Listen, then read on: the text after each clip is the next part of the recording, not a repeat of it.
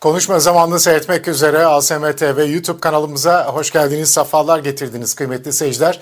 Takvimler 10 Ocak 2022 pazartesiyi gösteriyor ve konuşma zamanında bugün biz farklı gündem maddelerini ele alacağız. Peki nedir farklı olan diyeceksiniz. Efendim Furkan gönüllülerine yönelik şiddet artıyor. Aynı zamanda zulüm artıyor ve 28 Şubat'ı 28 Şubat dönemini aratmayan görüntüler ortaya çıktı. Birazdan e, görüntülerle beraber vereceğiz. Aynı zamanda Anayasa Mahkemesi Başkanı Zühtü Arslan'ın yaptığı açıklamalar var. Zühtü Arslan e, yargıdan özellikle çok şikayet geldiğini söylüyor. Nedir bu detaylar? Birazdan. Efendim Kulüp dizisi biliyorsunuz son dönemde en çok popüler olan dizilerden birisi ve dizide 6-7 Eylül olayları e, azınlıklara yönelik yapılan olaylar, yağma, e, tecavüz ve gasp e, konuları işleniyor özellikle. İşte o gün yaşananlara e, bugün gösterilen tepkiler acaba bugün yaşananlara neden tepki göstermiyorlar? Az sonra onu e, ele almaya çalışacağız. NT Kitabevi ve Naksan Holding'de yaşananları da bu konuyla alakalı olarak vereceğiz. Mustafa Destici, Kaçak Saray'ın destekçilerinden eski BBP Genel Başkanı hala öyle mi bilemiyorum da Destici'nin açıklamaları var. Az sonra onları da ekrana getireceğiz. Atilla Yeşilada'nın ekonomiyle ilgili yorumlarını da ekrana taşıyacağız kıymetli seyirciler. Ve son konumuz çok önemli bir konu. Recep Tayyip Erdoğan nasıl gider? Türkiye'nin başından nasıl gider sorusunu inşallah Mahmut Akpınar hocamıza soracağız. Kendisinden de yorumlamasını istirham edeceğiz. Bize ulaşabileceğiniz elektronik posta adresimiz şu anda ekranda. Bize maddi destekte bulunmak istiyorsanız Patreon hesabımız da ekrana geliyor şu anda. Buradan destek olabilirsiniz. Ee, aynı zamanda e, kanalımıza abone olmayı, bildirim zilini açmayı, beğen tuşuna mutlaka dokunmayı ve de sakıncası olmuyorsa olmayacaksa yorumlarınızı bırakmayı, yayınlarımızın ve videolarımızın altına yazmayı unutmayın. Aynı e, şeyleri Mahmut Akpınar hocamızın YouTube kanalı ve Patreon hesabı da e, içinde istiyorum. Az sonra onlar da ekrana yansıyacaklar. Hemen hiç vakit kaybetmeden e, Mahmut hocamızı ekrana alalım. Hocam hoş geldiniz, sefalar getirdiniz. Hoş bulduk. İyi yayınlar dilerim Asım Bey. Nasılsınız geçen haftadan beri? İyi bir yaramazlık yok bizim taraflarda. E, suyun öte tarafı nasıl? Bu Amerika ile İngiltere e, aynen Anadolu yakasıyla Avrupa yakası gibi aslında mesafe olarak çok uzak ama Aha. birbiriyle çok içli dışlı. İngiltere Amerika arasında yoğun bir bağlantı var. E, Atlas Okyanusu'nun öbür tarafı nasıl diye soralım. Yani bizim buralar iyi. Evet. Amerika'da benim bulunduğum e, eyalette soğuklar var. Doğumuzda kar var, fırtına var ama bizim burada böyle iki gün bir kar yağdı. Sonra eridi dünyanın yağmurla beraber ama havalar epey soğuk. Bu arada bulunduğumuz yerde Covid vakaları çok artmış durumda. Bütün Amerika genelinde arttığı gibi. Fakat aşılama oranı da çok yüksek seyrediyor.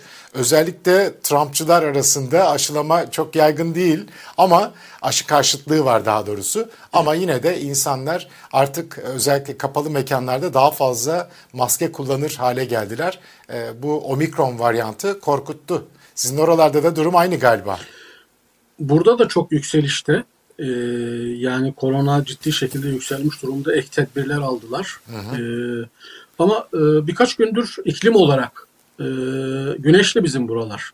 Yani 2-3 hafta kadar neredeyse aralıksız yağmur yağdı. İngiltere'de güneş önemli bir şey. Hı hı. Güneşi gördüğün zaman insanlar dışarıya çıkıyor. Hani Ocak Şubat ayında bile olsa, soğuk havada bile olsa güneş e, insanları pozitif etkiliyor. Birkaç gündür evet. güneşliydi, güzeldi havalar. İnşallah e, böyle hep bahar yaşarız diyeceğim de ama hayat öyle değil. Her zaman bahar yaşanmıyor, yaz yaşanmıyor. E, kış da var, sonbahar da var. Hepsinin tadını çıkarmak lazım. Mahmut Hocam... Kışın bugün... ardı bahar ama kış yaşıyoruz, bahar gelecek. Evet bahar gelecek şu anda biz kış yaşıyoruz. Evet e, hem maddi anlamda hem manevi anlamda inşallah.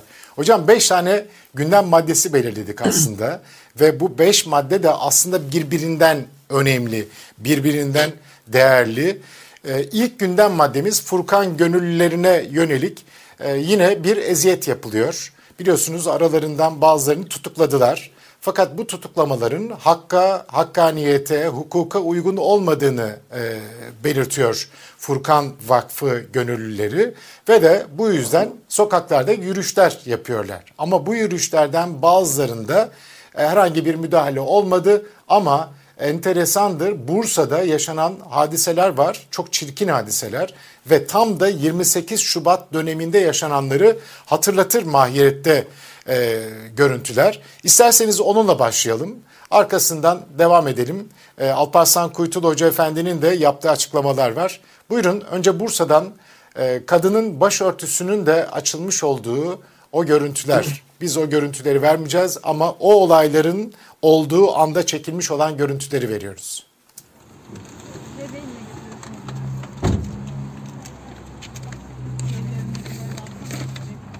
3 aylık bebeğiyle şu anda Bursa'da gözaltına alınıyor. Tamam zaten aldım. Niye alıyorsun elimizden? Tamam onu da alalım. Niye niye niye? Ne suç mu? Neden neden? Suç mu? Neden? Hayır vermiyoruz. Çantanı al. Hayır arabayı alacağım. Bu şekilde araba buraya sersene. Sen geç otur. Sen devam et. Sen tamam. Bebeği ver. Şu anda beni arabadan zorla indirdiler. Yani polis zoruyla indirdiler desem yeri var. Ee, Beni arkadaşlarımdan ayırdılar. Zorla yaka paça indirdiler. Yani çok kötü bir şekilde indirdiler resmen. Şu an kendilerini haklı gösterebilmek için resmen arabadan attılar beni. Şu an arkadaşların yanına gidiyorum.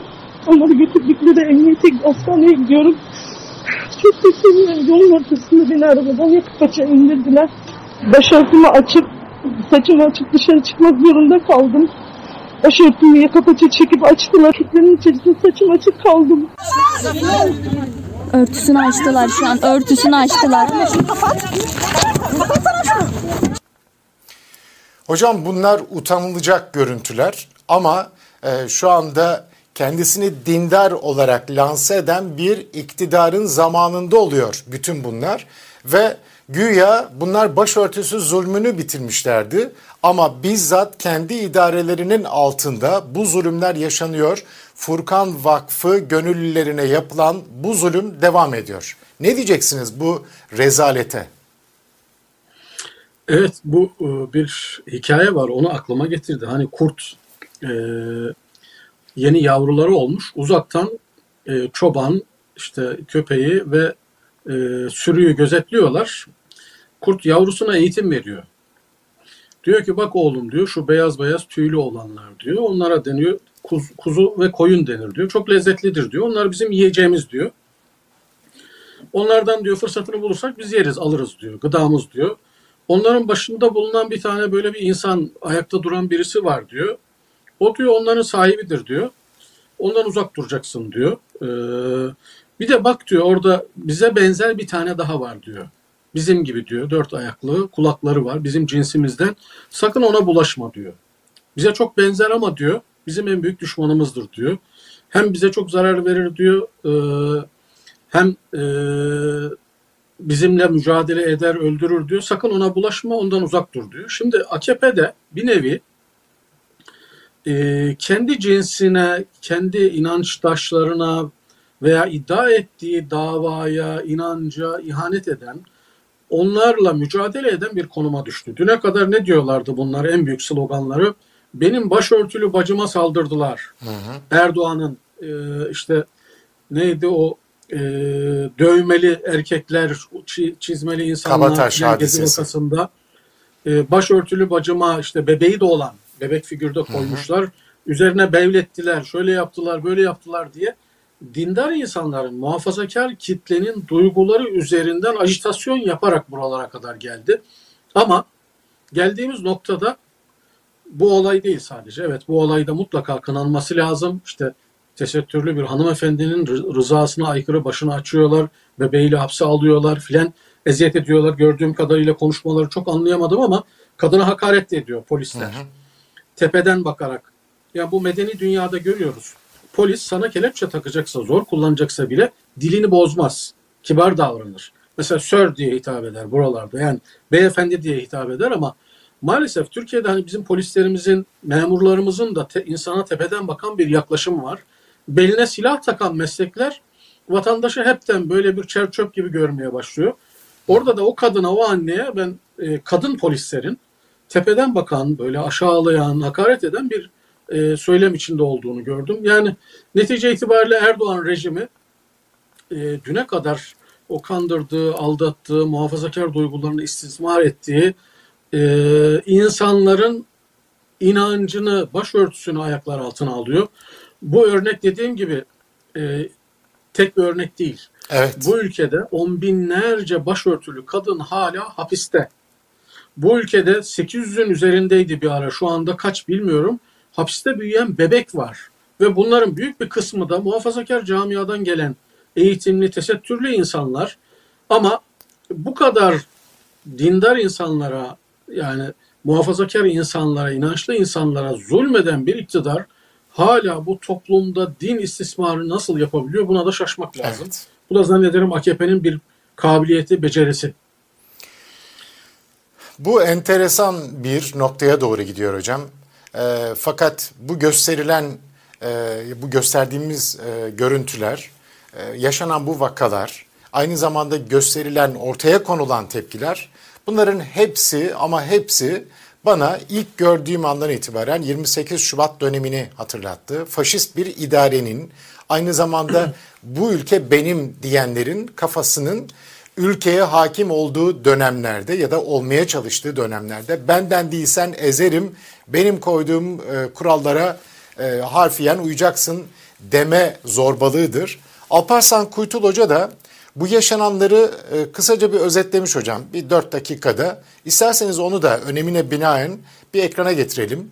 Buyurun, e, Buyurun kıymetli hocam. seyirciler. Furkan Vakfı'nın e, hocası Alparslan Kuytul Hoca Efendi yaşananlarla ilgili nasıl bir açıklama yaptı?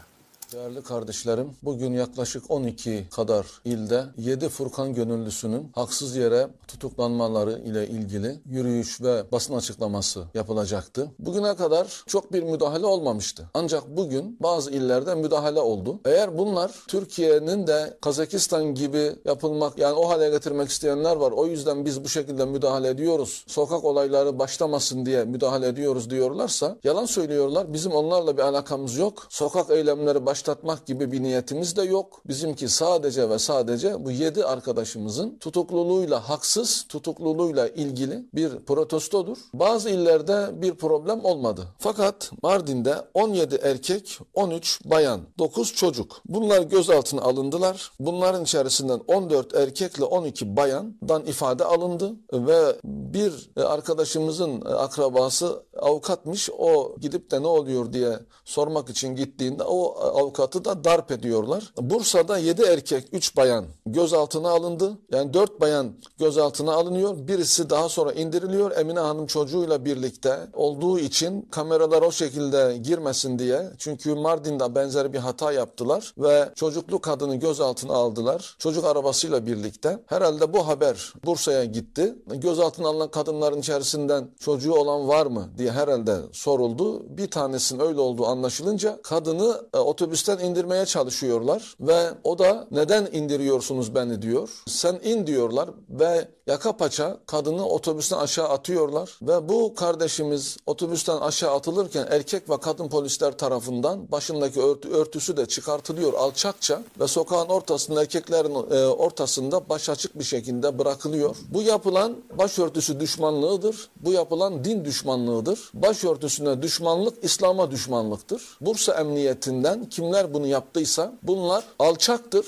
Bunlar din düşmanı, İslam düşmanlarıdırlar. Bu zulmü yapanlar, bu din düşmanlığını yapanlardan şikayetçiyiz. Bunlar görevden alınmalıdırlar. O polisler de o polislere bu talimatı veren müdürler de. Hükümet başörtüsü zulmünü bitirmiş bir hükümettir. Böyle bir hükümette bile böyle polisler varsa eğer bunlar ortaya çıkartılmalıdır. Bunlar kimdir? Hangi görüştendirler? Bunlar Perinçek taraftarı mıdırlar? Maocu mudurlar? Neyin nesidirler? Bir Müslüman kadının başörtüsünü çekmek ne demektir? Tarihimizde buna benzer örnekler var. Var. Kahramanmaraş halkının Fransız askerlerine isyan etmesi, onları oradan sürmesi, def etmesinin de temelinde böyle bir olay yatar. Bir başörtüsü olayı yatar. Eğer Türkiye'de bu gibi insanların cezası verilmezse, bunlar görevden alınmazsa, hükümet bunlara karşı tavrını göstermezse bu alçaklığı yapanlar çoğalabilir. Hükümeti bu hususta başörtüsü konusunda hassas oldukları için özellikle bu hususta göreve davet ediyorum. Bu yaptıklarını bütün dünyaya duyuracağız. Bu yedi Furkan gönüllüsüyle ilgili mücadelemiz de devam edecektir. Hiçbir şekilde de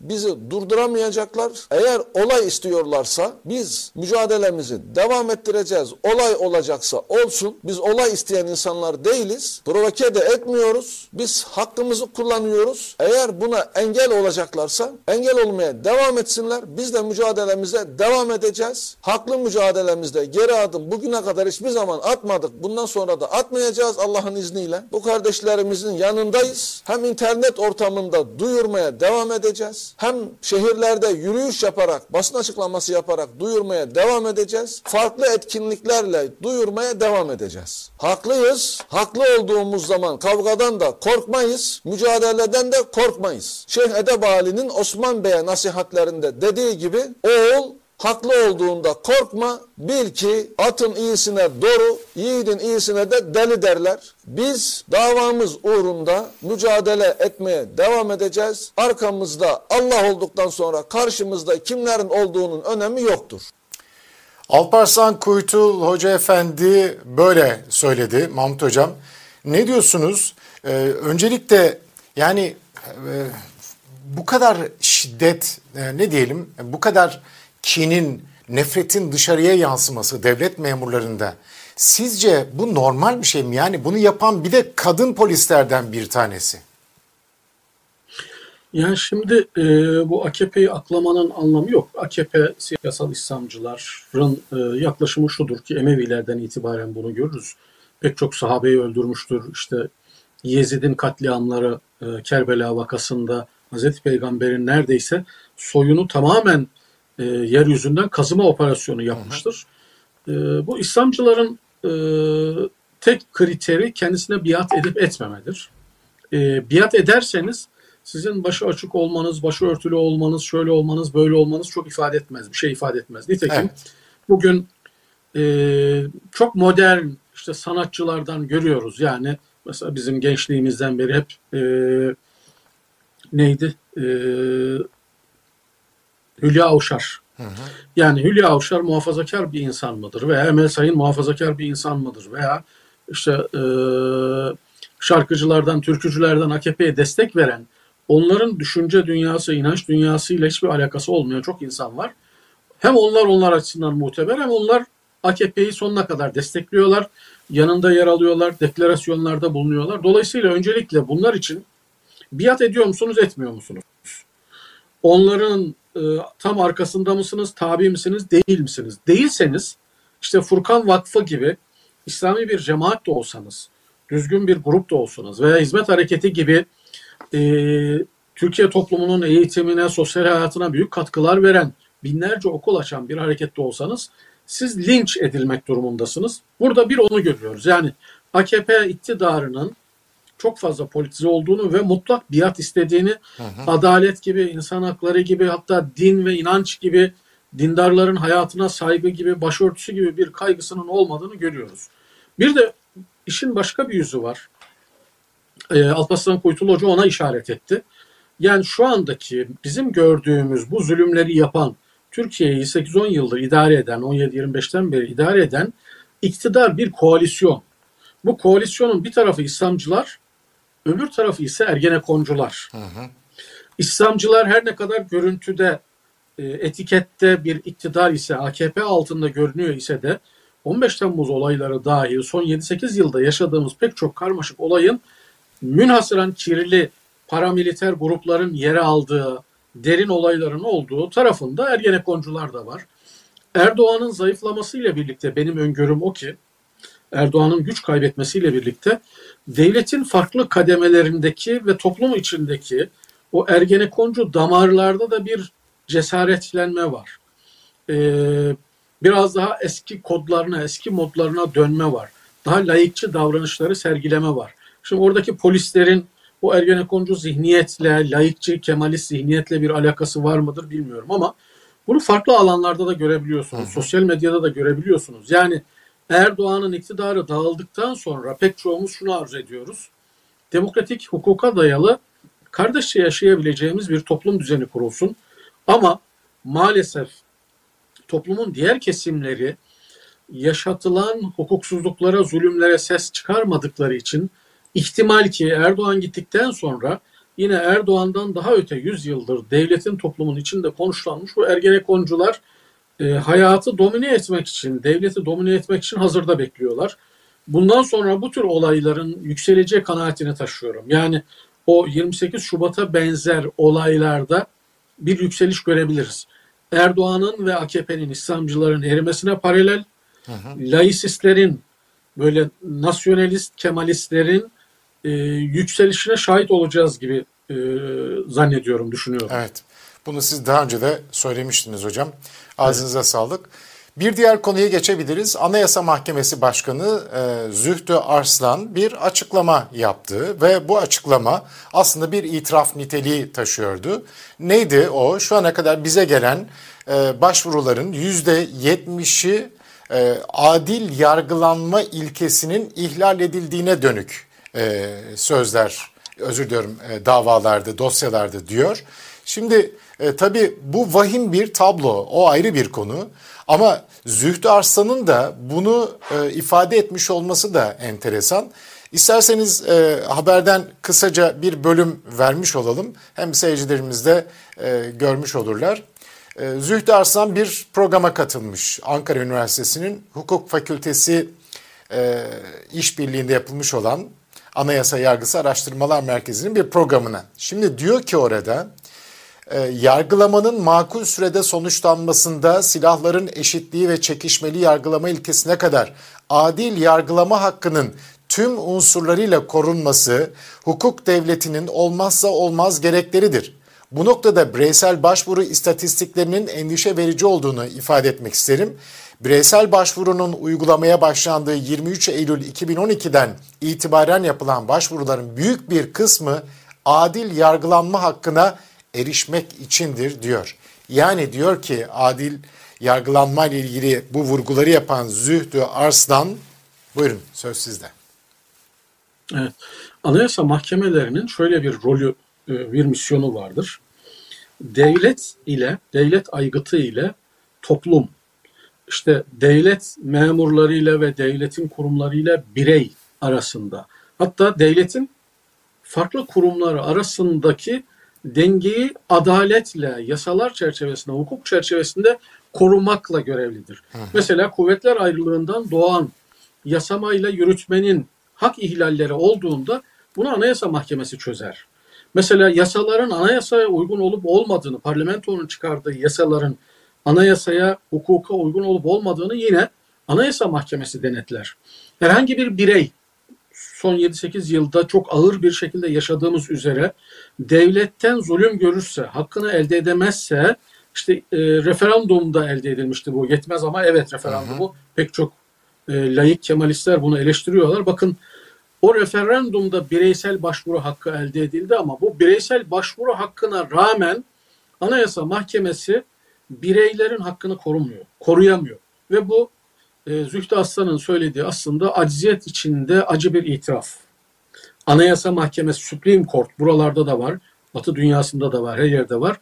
Yani bütün kurumların, bütün hukuk sistemlerinin üzerinde ve temel misyonu aslında hak ve özgürlükleri korumak, anayasa mahkemelerinin. Hı hı. Bireyi korumak. Ama işte Zühtü Aslan %73, %77 oranında adil yargılanmamaktan mütevellit başvuruların olduğunu ifade ediyor.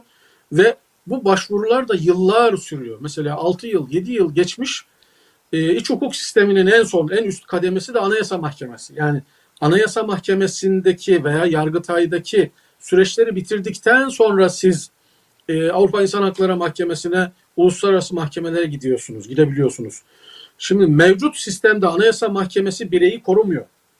Hukuku korumuyor yargının yani hukuk sisteminin işleyişinin de bir yönüyle teminatı e, Anayasa Mahkemesi'dir. Yani yürütme yargıya emir ve talimat verdiğinde, müdahale ettiğinde yürütmeyi engelleyecek olan da yine Anayasa Mahkemesi'dir. Dur diyecek olan. Anayasa Mahkemesi'nin kararlarıdır. Şimdi bunların hiçbirisini yapamıyor.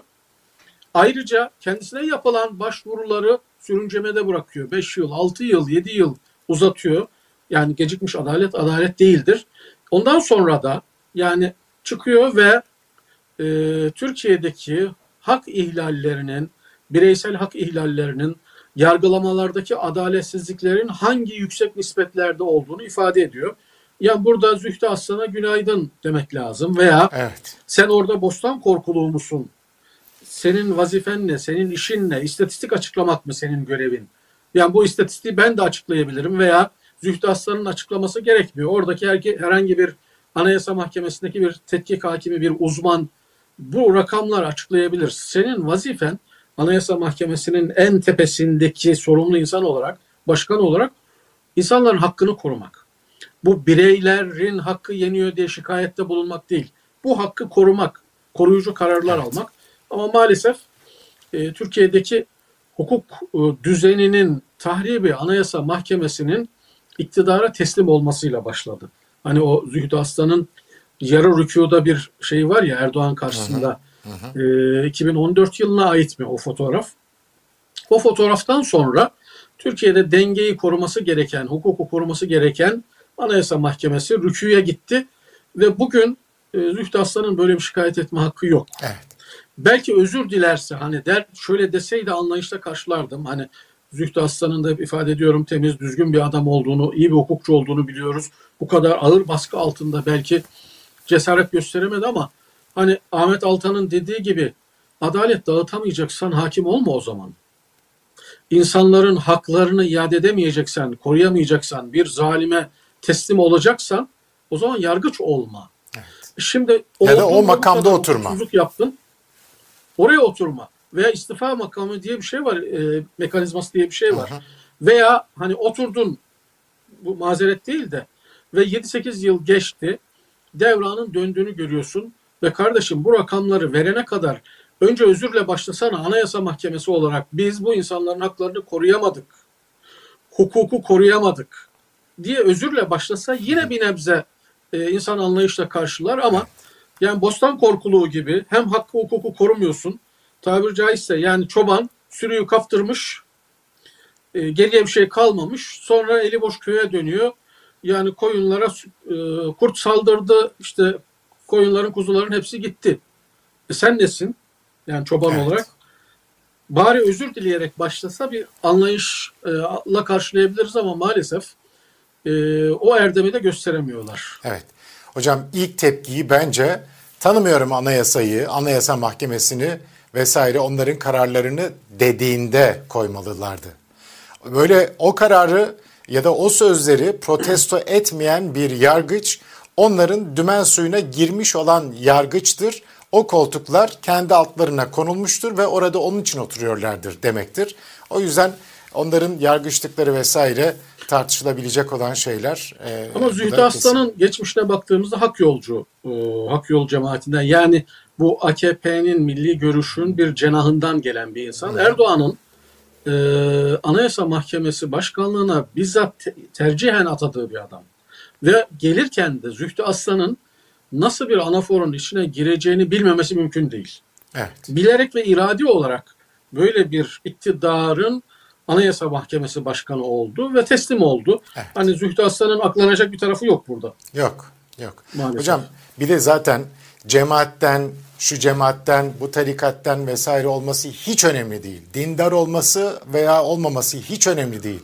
Önemli olan hukuk ne diyorsa, kitaplarda ne yazıyorsa onun uygulanmasını sağlamak. Eğer sen öyle yapmıyorsan bir Müslüman olarak aynı zamanda hem de bir cemaat mensubu olarak hangi cemaatten olursan ol. Eğer sen bunları yapmıyorsan zaten e, insan da değilsindir, adam da değilsindir. Müslümanlığın da hakkını veremiyorsun demektir. Hukukçuluğunun da hakkını veremiyorsun demektir. Bu kadar net yani. Evet. Evet her cumada Allah adaletle emreder. İnna Allah ya'muru bil adl. Yani Evet. cuma hutbelerinde her cuma o ayetleri okurlar. Ayet bu. evet. Ama sadece maalesef o hutbelerde kalmış.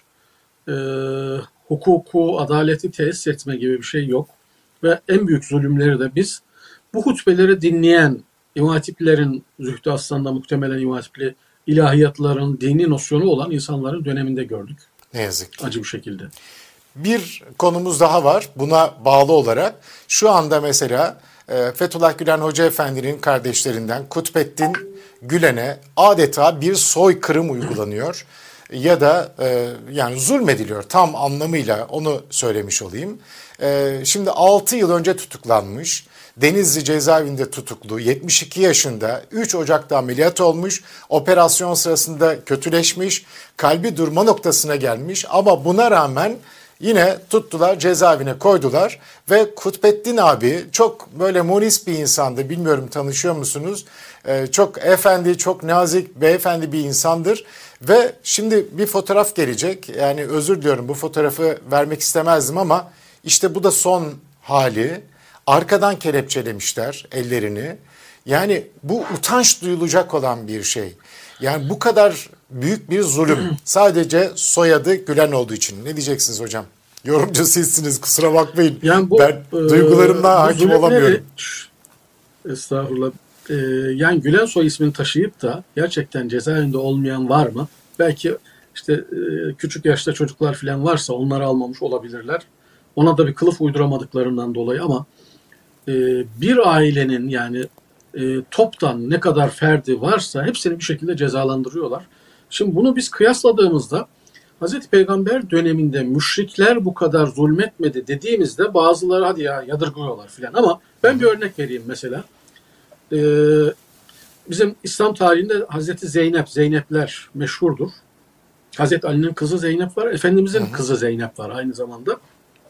Mesela Hazreti Peygamber Medine'de, Mekke'den e, kaçarak ölüm tehdidi altında gizli bir şekilde Hazreti Ebubekir'le birlikte o hicret filmini izlemişizdir hep El Risale'de filan.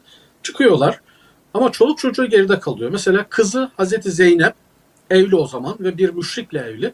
Geride kalıyor. Ee, bakın peygamberin yani bir yönüyle Mekkeli müşriklerin en azılı düşmanının kızı. Ee, kocası da müşrik, kendisi Müslüman. Medine'ye hicret etmek istiyor, gitmek istiyor. Babasının yanına Müslümanlarla birlikte. Ne oluyor biliyor musunuz? Müşriklerin lideri, en önde gelenlerinden birisi olan Ebu Cehil'in karısı ki uzaktan akrabalıkları da var. Hazreti Zeynep validemize geliyor diyor ki bu erkekler arasında bir problem diyor. Sakın endişe etme diyor. Ben diyor seni yolcu edeceğim, güvenle gideceksin. Bir ihtiyacın var mı? Bir sıkıntın var mı? Devesine bindiriyor. Yine mesela e, o dönem itibariyle müşrik olan kocası e, helalleşiyor, devesine bindiriyor, gönderiyor. Sonra da Müslüman oluyor eşi. Hı hı. Ama netice itibariyle Hazreti Peygamber'in kızını Mekke'den Medine'ye hicret ederken bu insanların bugünkü kendine Müslüman diyen insanların yaptığı gibi yapmıyorlar. Ebu Cehil'in karısı bile e, erkeklerin savaşları, mücadeleleri ayrı. Sen benim himayemdesin diyor, dertleşiyor. Hazreti Zeynep validemizi rahatlatıyor, gönlünü alıyor, bir ihtiyacın var mı diyor, azık koyuyor. Medine'ye öyle gönderiyor Mekke'den. Şimdi ikisi arasında çok fark yok mu? Yani müşriklerin yaptığının daha ötesini yapıyorlar.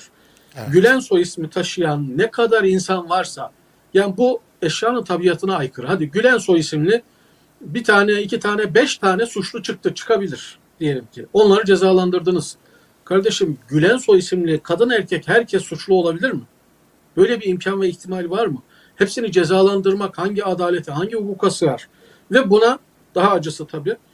Bunu herkes bildiği halde buna sessiz kalan kamuoyunun, bütün Türk kamuoyunun sükut etmesi, bir şey dememesi en e, büyük ayıplardan, utançlardan ve bu tür zulümlerin zaman zaman devam etmesinin temel sebeplerinden birisi de bu. Yani işte Dursun Çiçek'in kızı mesela babasını savundu, çatır çatır savundu ve babası içerideyken Ergenekon'dan e, televizyon televizyon gezdi. Ama aynı e, polislerden Ali Fuat Güven'in Güven Yılmaz Er'in Yılmaz Er'in kızı babasını savundu diye 5 yıldır hapiste. Kızın tek suçu aynı soy ismi taşımak ve babasını evet. savunmak ve bugün kimse onu dile getirmiyor. Yani eğer Ergenekonculardan da biraz vicdanlı, insaflı olan varsa Kemalistlerden Bunu dile getirmesi lazım ama maalesef Türkiye'de mesela Gülen ailesi başlı başına eğer yarın tarih yazılacaksa, filmleri çekilecekse bunun işte kulüp dizisini de belki e, konuşacağız.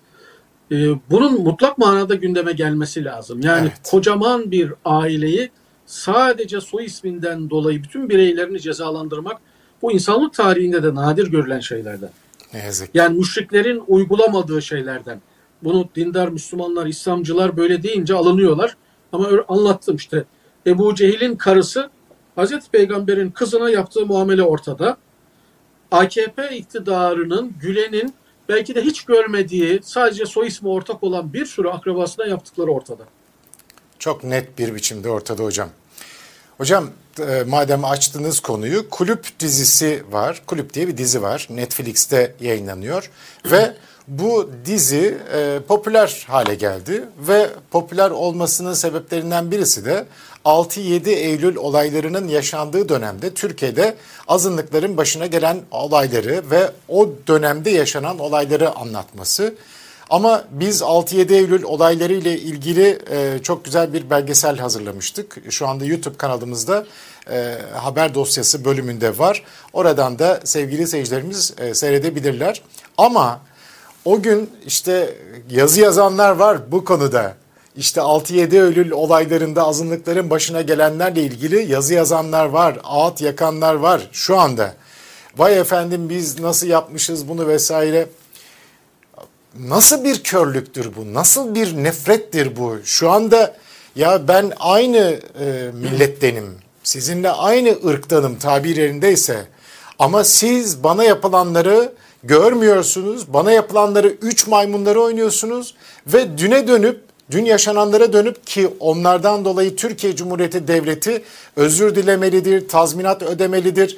İnsanlarımız da e, saygı duruşuna geçmelidir. O insanların karşısında o ayrı bir konu. O ayrıca tartışılması gereken bir konu. Ama bugün aynı şeyler yaşanıyor ama hiç kimsenin sesi çıkmıyor. Vicdanından bir ses gelmiyor. Bunu neye bağlıyorsunuz hocam? Bu nasıl bir ikiyüzlülüktür?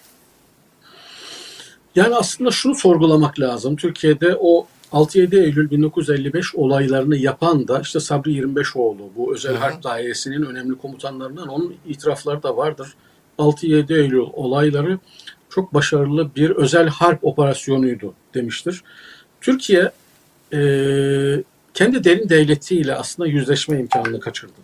Modern dünya yani demokratik dünya İtalya bununla yüzleşti, Fransa yüzleşti, ne bileyim İspanya yüzleşti filan. Kendi kirli, karmaşık, derin yapılarını bu şekilde hukuk önüne çıkardılar ve yargıladılar. Türkiye Cumhuriyeti Ergenekon davalarında, balyoz davalarında bunun ucundan tutmuştu ama maalesef Türk toplumu e, bu Ergenekon davalarının kıymetini, kaderini bilemedi ve e, belki bir miktar sulandırılmış olabilir ona bir şey demiyorum ama netice itibariyle 100 yıllık tarihte ilk defa illegal bir yapıyla yani işte 15 Eylül 6-7 Eylül olayları da bunların e, operasyonudur. Sivas olayları da, Maraş olayları da, Taksim olayları da yani Gazi Mahallesi olayları da ki 93 yılında öldürülen sadece 93 yılına 1993 yılına baksanız o kadar çok vaka var ki Eşref Bitlis'in öldürülmesi, Uğur Mumcu'nun öldürülmesi, 33 er cinayeti, Madımak yangını, Başbağlar cinayeti sadece 93 yılı Türkiye'de ne kadar güçlü bir illegal derin devlet olduğunu, Gladio olduğunu veya özel harp dairesi olduğunu ortaya koyar.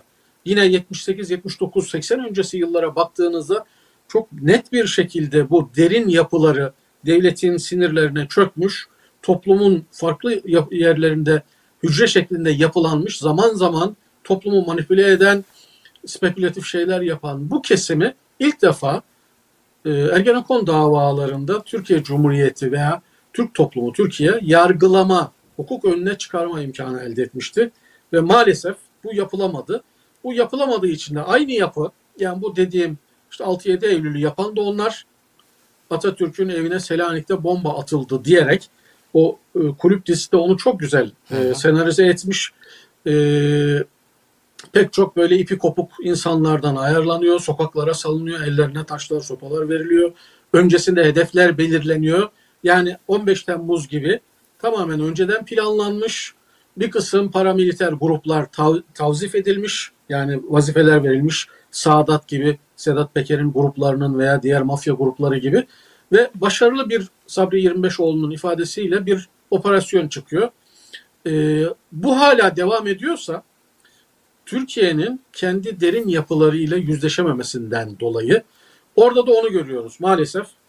E, bugünküyle karşılaştırılmayacak kadar az aslında. Evet. Sizin de ifade ettiğiniz gibi. 2-3 gün süren bir olay. Ve farklı yorumlar var. 13 kişi öldüğü söyleniyor olaylarda. Azami rakam 30 kişi. Ve yağmalanan ecnebilere, gayrimüslimlere ait dükkan sayısı, iş yeri sayısı 1000 civarında. 4000 civarında filan da insan yaralanıyor. Birkaç gün sürüyor o kadar. Oysa şu anda Türkiye'de 7 yıldır devam eden e, o kulüp dizisindeki 6-7 Eylül olaylarındaki vakanın çok daha ağırı ve çok daha yaygını. Yani Evet. 1 milyon 576 bin kişiye sadece dava açılmış. Sadece 1200 tane okula el konuldu. Okul. Binlerce, on binlerce insanın iş yerlerine çöküldü. Ve bugün bu 7 yıllık süreçte cezaevlerinde ölen, öldürülen insanların bilmiyorum ama e, yani o 15 Temmuz gecesi hariç işkenceyle, eziyetle öldürülen insanların zannederim 150-200'e yakın oldu sayıları. Fakat bu insanlar yani bu aydınlarımız tırnak içinde duyarlı insanlarımız 6-7 Eylül'de yaşananlara acıyan elbette acımalıyız. Çok fecaat bir olay. Ee, o gayrimüslimler Türkiye'nin yetişmiş insanlarıydı o dönem. Aynen bugün 15 Temmuz'dan sonra ki operasyonla nasıl bu defa Türk ve Müslüman olan pek çoğu veya Kürt olan Anadolu'nun yerlisi olan e, nitelikli yetişmiş insanlar kaçırıldı, hapislere doldurulduysa o dönemde de aslında Rum, Ermeni, Yahudi azınlıklardan sanatkarlar, ticaret erbabı, iş adamları bunlar bir şekilde ya malları yağmalanıyor, başkalarının eline geçiyor. Bu aynı zamanda sermaye transferi diyoruz biz buna. Bugün yaşanan da sermaye transferi. İşte Nakiboğlu Antep'in yetiştirdiği en büyük insanlardan alıyorlar 1 milyar veya birkaç milyar dolarlık malını çok cüzi bir fiyata bir başkasına devrediyorlar. O dönem bunu bugün istikbale yapılan, boydaklara yapılan, akın ipeğe yapılanı o dönem gayrimüslimlere yaptılar. Hadi o dönem şunu diyebiliriz. Ya gayrimüslimlerle temas noktası az. İşte dış güçlerin adamları oldu. Onlar da çok zengin oldular filan gibi şeylerle toplumun geniş kesimleri duymamış olabilir. Gerçekten inanmış olabilir ama şu anda yapılan o kadar yaygın ki herkes kendi yakın çevresinde zulme uğrayan birini görebilir. Bir KHK'lı bulabilir. Malına çökülen bir insan herkes görebilir. Mesela ben Uşaklıyım. Uşak'ta Hazım Sesli diye altın gibi bir adam vardı. Herkes tanır Hazım Sesli'yi. Yatırımlar yapmış. Herkese merhabalaşmıştır. Selamlaşmıştır. Şimdi böyle bir adamı 7 yıldır hapse attılar. Malına mülküne çöktüler. Bunu Uşaklıların bilmeme gibi bir şansı yok. Dolayısıyla bu suskunluğun hem dünyada hem ahirette e, mazereti yok. Türkiye'nin de mazereti yok. Yani evet 6-7 Eylül olaylarını sonuna kadar araştıralım. Ee, ve bununla ilgili filmler de yapalım. Kamuoyunda bilinçlendirme yapalım. Ama 7 yıldır bu ülkede milyonlarca insana orada birkaç bin insana yapılan daha ağır şekilde yapılıyor ve bu devam ediyor. Ama bizim Türk aydını kolaycıdır maalesef. Ee, bir şekilde bitmiş arşive kaldırılmış ve iktidardan gitmiş konuları eleştirir. Yani yazık ki. 1955 yılını eleştirdiğinizde size kimse bunu niye eleştiriyorsun demez. Hatta vicdanlı olursunuz. Evet. insaflı olursunuz. Ama bugün işte hapse atılan 300-400 tane bebeği konuşamazsanız e, bu iki e, yüzlüktür. Bu bir çifte standarttır. Yani evet ona da ses verin ama bugün olanlarda en azından dil ucuyla bir şekilde usul, usulüne göre dile getirin, dillendirin. Bununla onun arasında gerçekten hani rakamsal olarak da acılar yarıştırılmaz ama karşılaştırdığınızda bin kat fark var. Korkunç. Bu arada şu anda sosyal medyada tabii kulüp dizisinde yaşananlara ağlayan tipler e, olunca Arkadaşlar da böyle e, Twitter'dan videolar paylaşıyorlar. Ben de onlardan birini seçtim açıkçası. E, NT Kitap Evi vardı biliyorsunuz ve NT'nin Evet. yağmalanması hadisesi var. İzniniz olursa o görüntüleri vermek istiyorum. Korkunç aslında bunlar ama bir de sloganları var. Ne yazık ki. Buyurun.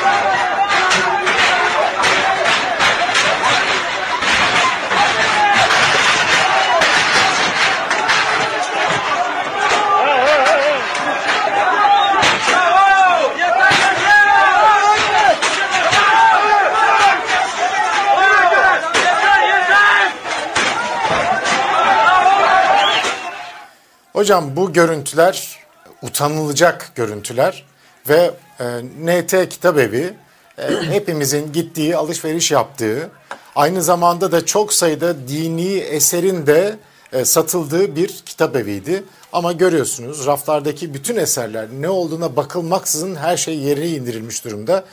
E, bu olaylara şahit olan e, hizmet hareketinden arkadaşlarımızdan bir tanesi e, aynen şöyle demişti e, o günlerde konuştuğumuzda. E, abi kitapları gördüğümde yerde e, ağladım demişti. Kur'an-ı Kerimler var, Kur'an tefsirleri var, mealler var. Yani ağladım hüngür hüngür demişti.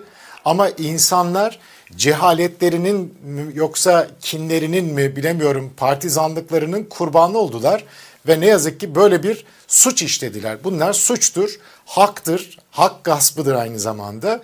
Milletin malını gasp etmektir aynı zamanda. Bunların e, payları kimlerden e, alınacaksa yarın ahirette görmüş olacağız tabii ki. Bir şey daha vurgulamak istiyorum. Bugün arkadaşlardan biri bir video gösterdi, gönderdi. Twitter'da var şu anda. Ee, başörtülü bir kadın iktidarı savunuyor. İktidarı savunuyor. Ekonomik olarak zora düştük. 2000 işte 19-20'den beri işte Covid vardı da şuydu da buydu da vesaire bunlar normal şeyler deyince oradakilerden birisi bir müdahalede bulunuyor. Arkasından kadın utanılacak bir şey söylüyor. Peygamber Efendimiz de dört dörtlük değildi diyerek söylüyor. Bu cahillik falan değil ama bu resmen gözü dönmüşlük bana göre siyasal e, partisinin e, tutuculuğundan dolayı bağnazlığın sergilenişi bence. Siz ne diyorsunuz şu görüntülere? Yani o NT'leri hepimiz gittik. Genelde dini kitaplar satılıyordu ağırlıklı olarak. Kültürel kitaplar da var ama işte dediğiniz gibi cevşenler, Kur'anlar, hadis kitapları, tefsirler filan ve e, orada ayaklar altında pek çok kitapları attılar. Sadece bu NT'lerin yağmalanması değil işte okullar yağmalandı. Mesela benim çocuklarımın bizzat gittiği ödüllü dünya çapında bir sürü madalyalar almış okulu hepsinin de bildiği bir mahallede insanlar yaktılar, ateşe verdiler. Bildiğiniz okulu ateşe verdiler ve benim bu küçük çocuklarımda hatıralar olduğu için travma yaşadılar orada. Yani o yan, okullarının yanmış halini, yanar halini gördüklerine travma yaşadılar. Keza bu dönemde yani Türk siyasi tarihinin belki tarihimizin Moğollardan bu tarafa en büyük kitap ve kültür katliamı oldu. O dönem 15 Temmuz'dan sonra insanlar evlerindeki bakın Elmalı Hamdi Yazır'ın yani bizzat Mustafa Kemal'in tefsir yazdırdığı bir insandır. İslamcıların hepsinin de evlerinde o tefsir vardır. O tefsirlerin olduğu işte e, Kütüb-i Sitte'nin olduğu dini kitaplar sadece belli yayın evlerinden basıldı diye insanlar çünkü suç unsuru ilan ettiler. O kitaplar evinde çıkanları suçlu ilan ediyor ve alıp götürüyorlardı. İnsanlar akın akın o kitapları ya çöplere attılar ya uzaklara gidip attılar ya gömdüler ya yaktılar ve belki Moğollardan bu tarafa e, 2015'ten 15 Temmuz'dan sonra 2016 yılında birkaç yıl Türkiye'nin bin yılının en büyük kültür katliamı yaşandı. Şimdi burada da o görülüyor aslında. İnsanlar kitaba, okula, eğitime, aydına, okuyan yazan insanlara düşman oluyorlar. Yani bu fetometredeki temel kriterlerden birisine master doktora yaptıysa, yabancı dil biliyorsa, dürüstse, nitelikliyse yani tamamen cehaleti övme, nitelikli insanları şeytanlaştırmaya matuf bir şey var. Burada da aynen o 6-7 Eylül olaylarında olduğu gibi aslında eğer siyasi iktidar veya birileri etki elemanları diyeceğimiz insanlar topluma birilerini hedef gösterirse e, ve bir kısım böyle bindirme kıtaları sokaklara salarlarsa bunun arkasından çapulcular, yağmacılar, hırsızlar, kolaydan para kazanmak isteyenler sokaklara dökülürler ve bir talan bir yağma atmosferi oluşur. 6-7 Eylül olaylarında da yani Selanik'te Mustafa Kemal'in evine bomba atılmış. Bu bombayı Türk istihbaratı mı attırdı? Özel Harp Dairesi'nin bir dahli var mı yok mu bilmiyorum. Velev ki bir Yunan, bir Rum attı. Ama İstanbul'daki Yahudinin, İstanbul'daki Ermeninin, İstanbul'daki Rum'un Selanik'teki bombayla ne alakası var? Fakat işte önceden kurgular, bir kısım etki elemanlarını piyasaya salar, sokaklara salarsanız paralarını verip yağmacıları böyle bir faciaya sebep olabilirsiniz. 15 Temmuz'da da çok üzerinde durulmadı bunlar. 15 Temmuz'a giden süreç nasıl planladılar? Nasıl kirli operasyonlar yaptılar? Hangi sokak elemanlarına işte e, mafya babalarına ne tür görevler, misyonlar verdiler? Bunların üzerine çok durulmadı, araştırılmadı evet. ama 15 Temmuz'da da aynı şey oldu ve e, on binlerce, yüz binlerce insanın malına mülküne çöktüler. Mesela bildiğim bir şey var. Yani hı hı. böyle bir atmosfer olunca, oluşunca bütün karaktersiz insanlar ortaya çıkıyor. İşte zenginlerin malına el koyma gibi. E, kendi beldesinde, şehrinde, kasabasında emeğiyle para kazanmış insanların malına göz koyuyorlar. Kim koyuyor? Bir şekilde iktidarla ilişkisini iyi tutmuş, karaktersiz çıkarcı insanlar ve bu falancıdır, bu filancıdır diyerek onun malına çöküyorlar. Mesela bir örnek benim bildiğim bir arkadaşımın bir tane evi var öğretmen. Karı koca çalışmışlar. E, ömürleri boyunca bir ev almışlar. Yurt dışına çıktı ve eve kiracı koydu. Şimdi kiracısı bu olaylardan sonra ne kira veriyor, ne evden çıkıyor. Çiftlik gibi kullanıyor. Kaç yıldır? 6 yıldır işte 2016'dan itibaren 5-6 yıldır kira da vermiyor, telefonuna da çıkmıyor. Satmak istiyor evi arkadaş sattırmıyor. Gelen işte alıcıları kovuyor filan. E, bu karaktersiz insanların e, aslında bu tür dönemlerde biz ortaya çıktığını görüyoruz. Ama bunun arka planında dediğim gibi Türkiye'nin damarlarındaki, sinirlerindeki bu öteden beri var olan gladio gibi, özel harp gibi derin yapıları hukuk karşısına çıkaramamasının faturaları bunlar. Evet. Zamanında bunlar sorgulanabilseydi mesela 6-7 Eylül'le Türkiye yüzleşebilseydi gayrimüslim vatandaşlarına yapılan e, bu zulme karşı durabilseydi ve bununla yüzleşseydi bunun e, sorumlularını hukuk karşısına çıkarıp cezalandırabilseydi işte 15 Temmuz'da Anadolu'nun öz Türk Müslüman ailelerinin e, varlıklı insanların malları böyle talan edilmezdi. Evet. Ders almıyoruz ne yazık ki. Hocam bir diğer konumuz var. O da Mustafa Destici e, diye bir e, siyasetçi var biliyorsunuz. Mustafa Destici enteresan bir şekilde kendisini bitiren e, hamleler yapmaya devam ediyor. Zaten bitmiş hükmündeydi de o da ayrı bir konu. Çünkü dün televizyonumuzdan, gazetemizden ayrılmayan, aynı zamanda e, hizmetin e, işte yanında duran açıklamalar yapan, arkasından da e, Tayyip Erdoğan'la beraber yürümeye başlayan, onların zulümlerine ortak olan bir isim, bir siyasetçi hangi partiden olursa olsun, nereli olursa olsun, hangi inançtan olursa olsun benim zerre kadar umurumda değil. Ama kendisini bitiren e, hamleler yaptı. Partisini de bitirdi, rezil etti daha doğrusu tam anlamıyla. Bakın bir de işte tasarrufla alakalı bir şey söylüyor. E, TV100 isimli bir kanal var. Orada katılmış enteresan şeyler söylüyor. Utanılacak şeyler ama buyurun bir seyredelim. Yani ben e, tasarrufa dikkat ediyorum. Yani her meseleye ekonomi ben gidip kasaba 100 lira verip et almıyorum. Gidiyorum kuzuyu e, kestiriyorum ya da toplu bir e, hayvanı oradan parçalayıp alıyorum. E şimdi buna kadar dikkat ediyorum. E şimdi buna herkes dikkat edebilir ama herkes bu imkanı da bulmayabilir. Bu ayrı mesele. Ben susuyorum. Buyurun ne diyeceksiniz? Evet. İşte e, şöyle bu e, Tasarruf. MHP biliyorsunuz iktidarın büyük ortağı. Bu da minik ortak. Yani iktidarın ortaklarından bir tanesi. Türkiye'deki siyasi parti lideri bu sonuçta. Yani e, çok değil ama yüzde birlerde falan oy alıyor zannederim. Türkiye'deki siyasetin, siyasetçilerin niteliğini, kalitesini gösteriyor. Toplum önündeki insanların kalitesinin niteliğini gösteriyor. Muhakeme yeteneğini gösteriyor. Yani yani en azından yani ilkokul, ortaokul mezunu bir insan bile şunu düşünebilir. Ya bir kilo, yarım kilo et alamayan veya kıymayı 100 gramla, 200 gramla alan, almak zorunda olan birkaç ayda bir oda. Bir insan tasarruf yapacağım diye nasıl kuzu alsın? Yani bu kadarcık bile muhakeme yetenekleri yok veya toplumdan da kopmuşlar iyice. Bir şekilde uzaklaşmışlar. Ben hani şunu demek istiyorum. Bir hadis-i şerif galiba ama e, atasözü filan gibi de çok dolaşır. İnsanları tanımak için işte ya onunla yolculuk yapacaksın derler. Ya bir şekilde ticaret yapacaksın veya bir süre aynı ortamda kalacaksın. Buna maç yapmayı da ek- ek- ekleyenler var. Mesela halı saha maçlarında filan insanların karakterleri ortaya çıkar. Böyle çok sakin beyefendi insanlar maç esnasında canavarlaşırlar. Belki buna sosyolojik açıdan bir şey daha eklemek lazım. Olağanüstü dönemlerde insanların karakterleri ortaya çıkıyor. Evet hocam. Şu an Türkiye'de 7-8 yıldır olağan dışı bir dönem yaşıyoruz. Bir otoriter rejim var. At izi it izine karışmış. Hak hukuk bir şey kalmamış.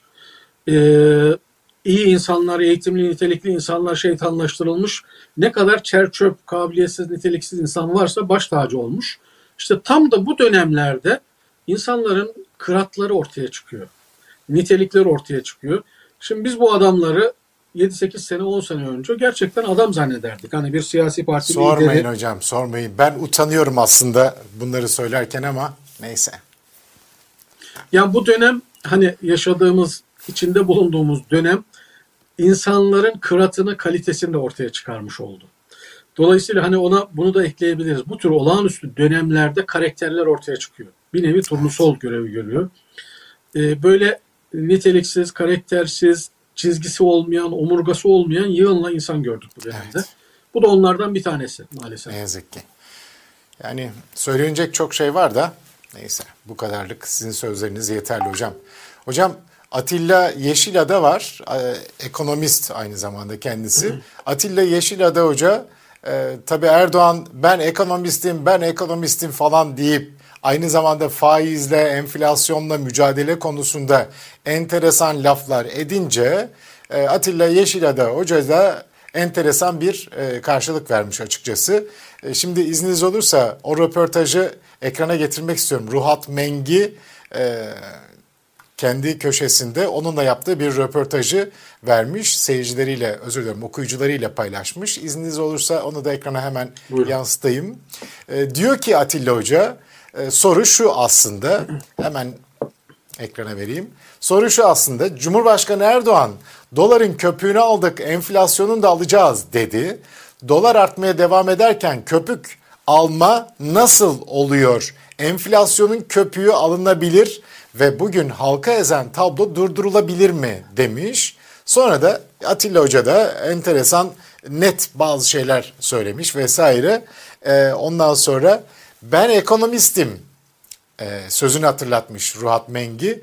E, böyle dediğine göre Cumhurbaşkanı birçok ürün ithalata, doların artışına bağlı olduğuna göre halkın enflasyonunun enflasyonun ne olduğunu göreceğini bilmesi gerekmez mi diye sorunca Atilla Yeşilada da diyor ki eğer o ekonomistse ben de Süper Lig'de sol açığım demiş. Yani çok güzel bir röportaj olmuş paylaşmışsınız sağ olun. Ben de seyircilere hatırlatayım. Buyurun ne diyeceksiniz? Yani güzel e, hani e, ne derler e, bir söz vardı. Taşı gediğine koymuş yani. Evet evet taşı yediğine koymuş ama yani Erdoğan öyle e, iddialı konuşuyor. Öyle şeyler söylüyor ki buna ancak bu şekilde bir espriyle bir mizahla cevap verilebilir. Yani hani izahı olmayanın mizahı olur. Evet. Şimdi Erdoğan'ın ekonomistliği yani nasıl bir ekonomist diplomanı göster deniyor. Hala yok diploma ve yakın zamanda galiba tekrar e, diploma talep etti. E, siyasal partilerden bir tanesi diplomayı gündeme getirdi ve yargı o diplomanın tartışılmasını engelledi. Gündeme getirilmesini tekrar engelledi. Yani ortada bir diploma yok. E, ekonominin hali ortada. Hani ekonomist e, bu ekonominin ekonomisti sensen e, vay halimize.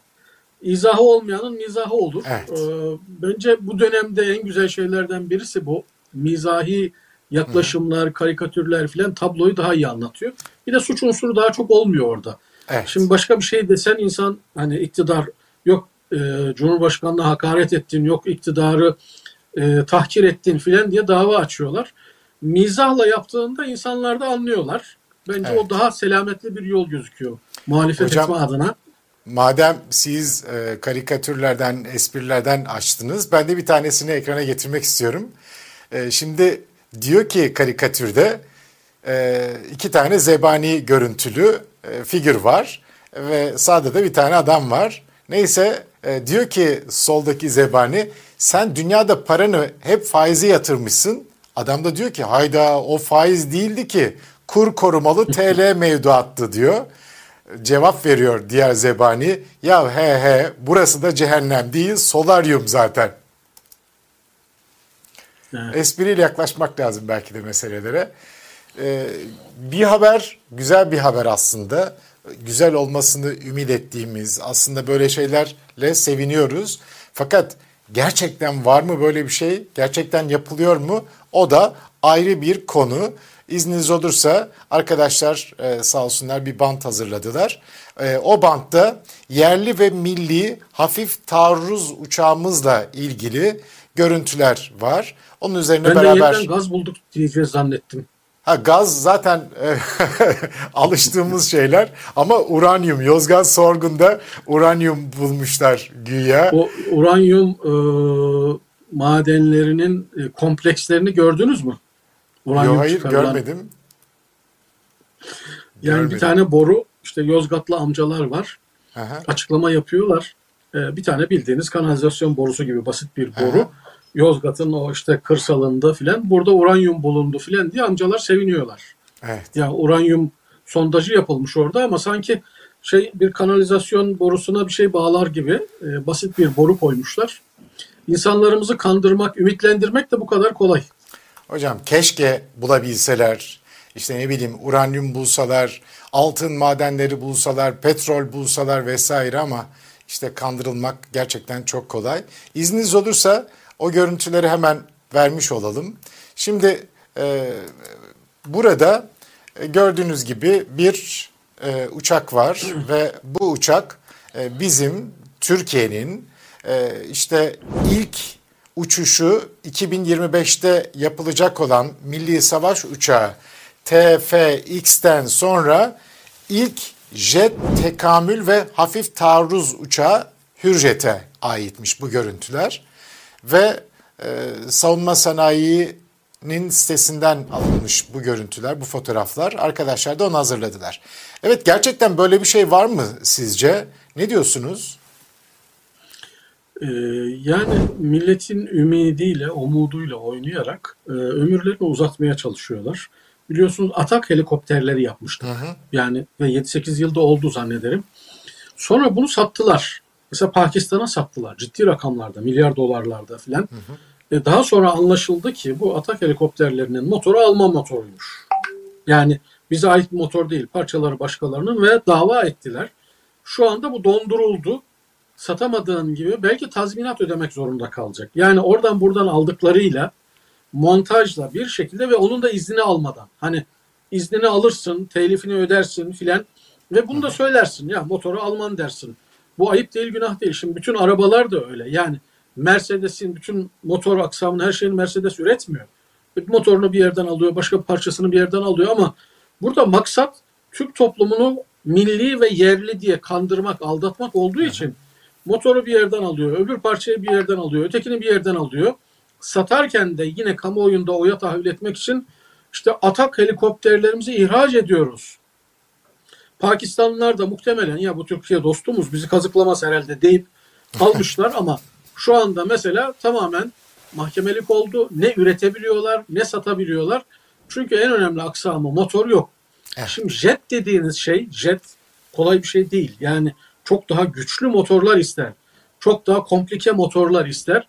Bence benim anladığım yani yakından bunları izleyebilsek belki dokunabilsek kartondan böyle maket uçaklar falan olacağı kanaatini taşıyorum. Yine e, AKP'nin kendi kitlesini uyutabilmek için bu türler bu tür haberler ürettiğini düşünüyorum. Olabilir hocam ama tekrar söyleyeyim. Yapabilirsek böyle uçaklar, jetler, uzay gemileri vesaire gurur duyarız bununla. Ama milleti kandırıyorsanız ki hani uçağımız vardı işte yapacaktık 2020'de miydi 21'de miydi gökyüzüne çıkacaktı ya Yani uçak. uçak göklerdeydi. Araba kaç yıldır 10 yıldır otomotiv yollarda filan ama bir türlü gören yok. Hocam e, Hyundai arabası zannediyorum 20 senede Japonlara bunlar milyarlarca lira para ödemişler. Hyundai motorundan bahsediyorum. E, Japon arabası olarak Japon e, ürünleri kullanarak yapmış Güney Kore. Daha sonra geliştirdiler ve şu anda dünya markası haline geldiler. E, yani dediğiniz gibi Alman motorunu kullanmak, işte İtalyan motoru kullan ayıp değil. Bunu böyle satmanıza gerek yok yani.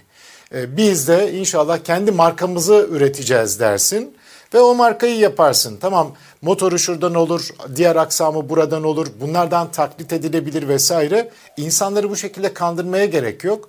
E, gurur duyarız ama işte bir taraftan da kandırılıyoruz. Neyse son konumuz çok önemli bir konu. Recep Tayyip Erdoğan nasıl gider Türkiye'nin başından konusu. Şu anda en çok tartışılan konulardan bir tanesi e, seçimle mi gider, seçimsiz mi gider yoksa seçimle e, gidecek olursa anketler var, ortada dolaşan anketler var. Bu oyla nasıl seçimi kazanacak vesaire kazanamayacağı bir seçime girer mi? Seçim kaybederse bulunduğu yeri terk eder mi? Bunların hepsi çok ama çok tartışılan konular. Bu arada e, yarın bir program yapacağız hocam. Konuşma zamanı özel programı yapacağız ve o programda gazeteci Sayın Sefa konuğum olacak. Sayın Sefa ile özel bir güzel. yayın yapacağız. E, ama önce sizden Erdoğan nasıl gider sorusunun cevabını almak istiyorum. Sizin görüşleriniz ne? Geçen haftanın e, tartışma konularından da biliyorsunuz. Soner Evet. Çağatay'ın Amerika'da olan e, Türkiye uzmanı e, bir makalesinde Erdoğan'ın e, Erdoğan'a bir şekilde problem çıkarmadan çoluk çocuğunu ailesini alıp gitmesi veya hakkında daha sonra dava açılmaması noktasında bir teklifin gittiği ve TSK'nın da ordunun da garantör olması teklif edildiği gibi bir makale yayınlandı. Yani bunun aslı var mıdır, hakikati var mıdır bilmiyoruz. Emre Uslu'nun da bir videosu oldu. O da generaller generallerden e, Erdoğan'a ultimatom filan gibi bir e, yayın yaptı. E, şimdi bunlar belki fazlaca Soner Çağatay'ın e, makalesi toplumda tartışıldı, konuşuldu. Gereğinden fazla üzerinde duruldu. Ama netice itibariyle insanlarda şöyle bir merak var. Yani Erdoğan bütün e, anketlerde, son bir yılın bütün anketlerinde çok ciddi şekilde aşağıya doğru gidiyor. Evet. Yani seçmen tabanını kaybediyor, kitlesini kaybediyor. Ama öte taraftan işte sokağa çıkma ihtimali karşısında mesela muhalefeti çıkarsanız ininize kadar gideceğiniz yere kadar kovalarız diye tehditler ediyor filan. E, gitmeme üzerine bir kararlılık sergiliyor. Dolayısıyla kamuoyunda aydınların, gazetecilerin, yazarların gider mi gitmez mi, nasıl gider filan diye çok fazla spekülasyon var, çok fazla tartışma var. Ben nerede duruyorum bu noktada? Yani ben Erdoğan'ın bir misyonunun olduğunu düşünüyorum. Bu misyon baştan itibaren de olabilir ama münhasıran Yaşar Büyük Anıt'la e, Dolmabahçe Sarayı'ndaki görüşmesinden sonra E-Muhtıra'nın da bunun bir parçası olduğunu düşünüyorum bu arada ben. E-Muhtıra'nın Erdoğan'ı yıkmaya değil, Erdoğan'ı tek adam haline getirmeye yönelik olarak verildiğini ve onun akabinde de bir anlaşma yapıldığını, Erdoğan'ın biraz önceden beri bahsettiğimiz Türkiye'deki o derin çekirdekle bir şekilde anlaşma yaptığını, dolayısıyla o anlaşmadan Dolmabahçe'de Yaşar Büyük Anıt'la görüştükten sonra bir kısım taahhütlerde bulunduğunu ama asıl e, de facto ittifakı ise 17-25'ten sonra Ergenekoncuları tamamen salarak onlarla mutlak bir ittifak kurduğunu düşünüyorum. Erdoğan'a bir misyon biçildi. Erdoğan'ın temel misyonu şuydu. E, Türkiye'deki muhafazakar dindar çoğu cemaate mensup insanları, insan e, kaynaklarını bir şekilde biçmek. Türkiye yeniden 100 yıldır var olan böyle laik, kemalist, nasyonalist, e, işte muhafazakar mahalleden uzak ama milliyetçi, gayrimüslimlerden de uzak, ulusalcı bir çizgide devam ettirmekti. Erdoğan kendini kurtarabilmek için böyle bir anlaşma yaptı bunlarla ve o anlaşmada Erdoğan'ın siyasi gücü, iktidar gücü, toplumdaki popülaritesi, oy potansiyeli filan bunlar hitabeti bunlar kullandı. Yani Erdoğan bu işbirliğinin ekran yüzü oldu bir yönüyle. Ama öte taraftan Erdoğan şunu da yaptı. Yani Ergenekon'la ben anlaşıyorum. Bir ayıyla yatağa giriyorum ama yarın bunlar bana karşı da bir ittifak geliştirirler, bana karşı da harekete geçerler diye Erdoğan da kendine göre gardını aldı. Ne yaptı? AKP teşkilatlarını silahlandırdı. İşte Sadat oluşturdu. Kirli bir kısım yapılar oluşturdu. TSK'dan ve emniyetten pek çok silahı kendi yandaşlarına dağıttı. Ee, bir e, militan sınıf oluşturdu ki yarın Erdoğan'la kafa kafaya geldiğinde onları tehdit edebileyim diye nitekim de ediyor. Yani eğer e, kendi taraftarları da Erdoğan da söylüyor. E, hedef Erdoğan olursa bizi devirmeye kalkarlarsa işte ülkeyi cehenneme çeviririz. 15 Temmuz'u da aratırız. Gideceğiniz yere kadar kovalarız filan diye tehditler yapıyorlar. Fakat benim geldiğim nokta şu, bunu daha önce de yazmıştım, ifade etmiştim. Ergenekon, bu Türkiye'deki özel harp dairesi deyin, gladio deyin, derin yapı deyin, çok profesyonel ve toplumun her kademesinde yapılanmış, e, Erdoğan'ın tabanına göre, kadrosuna göre çok daha nitelikli elemanlardan oluşan bir kadro. Bunlar bu ittifakta bir nevi Erdoğan'ı ve AKP'yi binek olarak kullandılar. Veya katır olarak kullandılar. Onun üzerinden zaten bunu da itiraf ediyorlar. Doğu Perinçeyi'nden bütün işte o Kemalistlere kadar biz cemaati bir şekilde temizleyemezdik. Bu tasfiyeyi yapamazdık. Yapsak Türkiye'de kıyamet kopardı. Nitekim 28 Şubat'ta bunun çok daha küçüğüne yeltendiler. Türk toplumu tepki gösterdi. Erdoğan gibi iyi Kur'an okuyan, işte dini terminolojiye sahip ama pragmatist bir siyasetçiyle anlaştılar. Onun sırtından 100 yılın balans ayarını yaptılar. Ve bunu yaparken şunu onlar da biliyordu. Eninde sonunda bu ülkenin ekonomisi çökecek. Çünkü bütün nitelikli insanları gitti. Dış dünyayla bağını kopardı. Yani görüntüde e, mühür elinde olan ama e, tokmak başkasında davul omzunda olan Erdoğan bir gün zayıflayacak ve bu zayıfladığında biz onun altından koltuğu halıyı çekeriz diye Ergenekon'un böyle bir yaklaşımı vardı. Bence giderek o noktaya doğru ilerliyoruz. Yani Erdoğan her geçen gün güç kaybediyor, enerji kaybediyor. Kendi kitlesi dahil e, ondan nefret etmeye, çok yoğun bir şekilde, ağır bir şekilde eleştirmeye başladılar. Her ne kadar Erdoğan işte ordu üzerinde hakim, ne bileyim kendi militer güçlerini oluşturdu, silahlandırdı, saadat oluşturdu filan dense de günün sonunda benim kanaatim Türkiye'deki o statüko, 100 yıldır hakim olan statüko, derin yapı Erdoğan'a göre çok daha stratejik, çok daha akıllı, çok daha köklü ve yaygın yapılanmış. Erdoğan'ın o e, avantajları olan işte oy potansiyeli, hitabeti filan bunları kaybettikçe, ekonomi de çöktükçe Ergenekoncular avantajlı hale geliyorlar.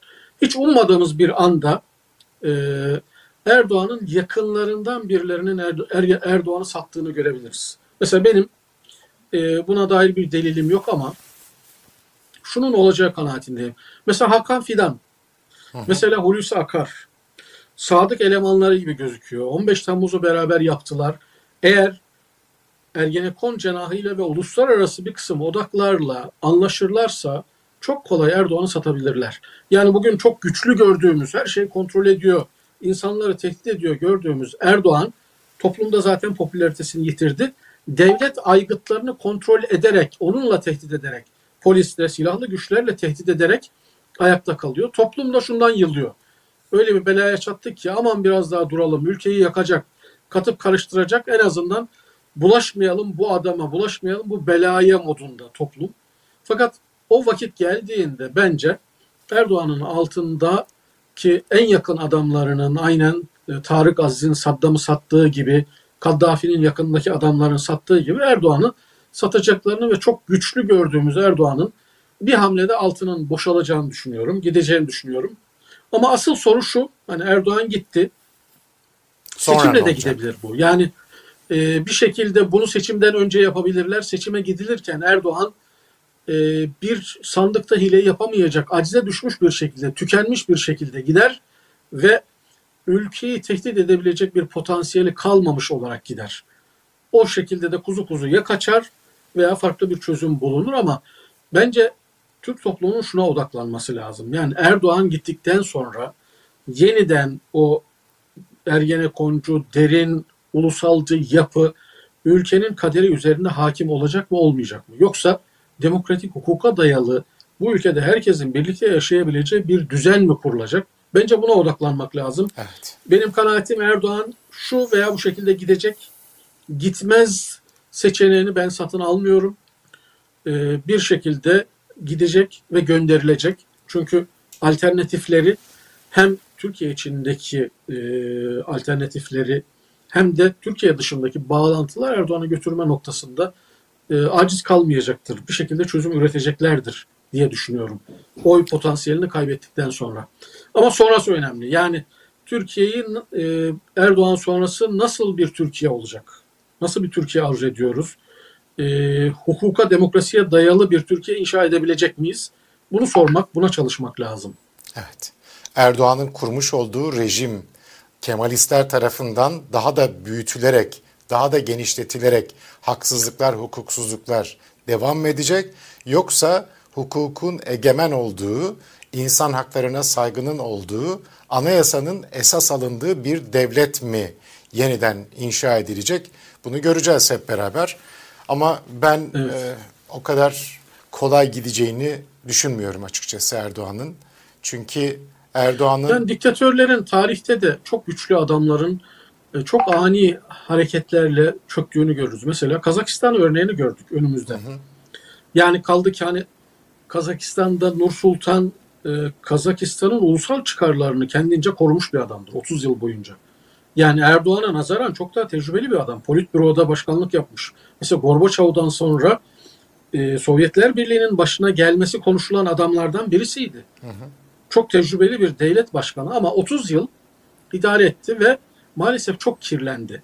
Şimdi bu tür aileler, kişiler, figürler çok iyi siyasetçi de olsalar, çok güçlü de olsalar bir süre sonra ailesi ve yakın çevresi kirlendiği için toplumda çok antipatik hale geliyorlar.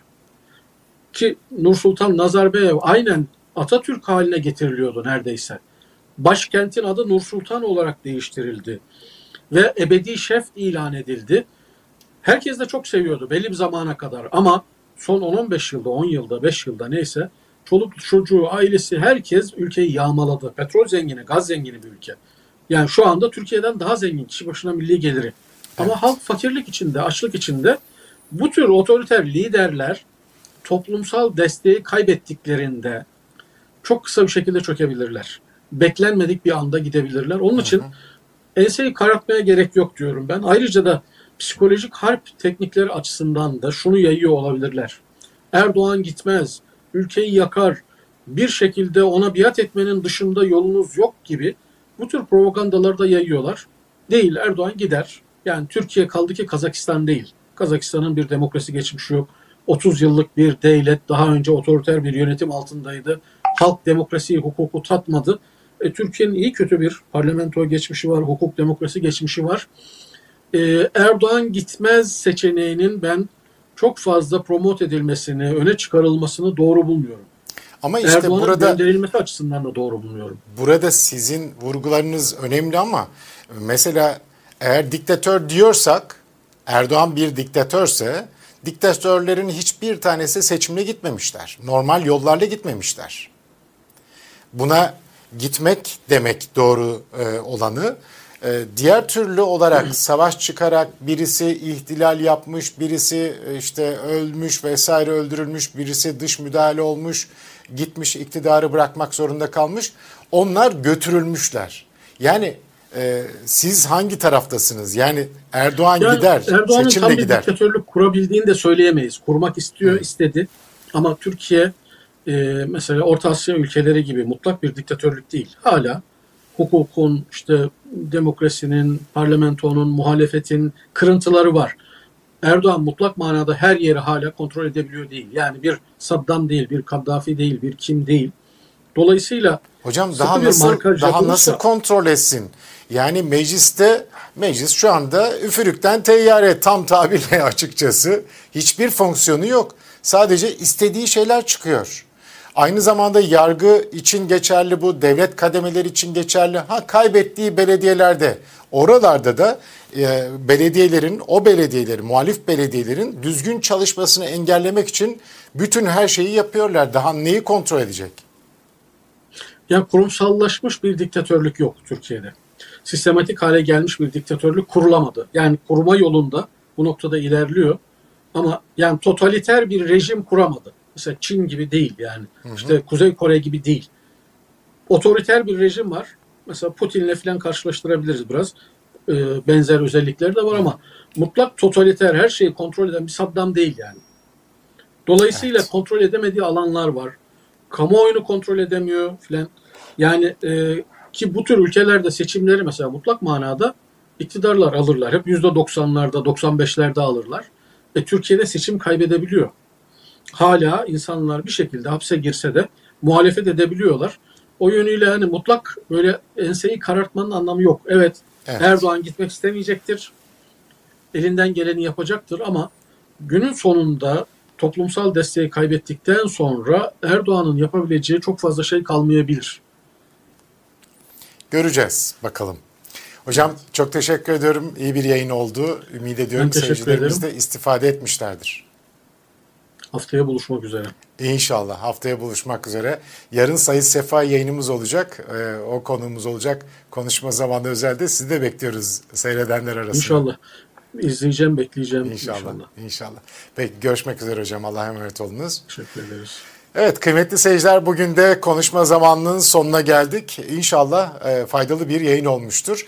Yarın az önce de belirttiğim gibi gazeteci Sayı Sefa e, konuğum olacak konuşma zamanı özel programında. Kendisiyle hem Türkiye'yi konuşacağız hem AKP'yi ve Erdoğan'ı konuşacağız. Hem de yakın gelecekte muhtemel e, yaşanacak olan gelişmeleri ele almaya çalışacağız. Efendim bizden bugünlük bu kadar. Allah'a ısmarladık. Música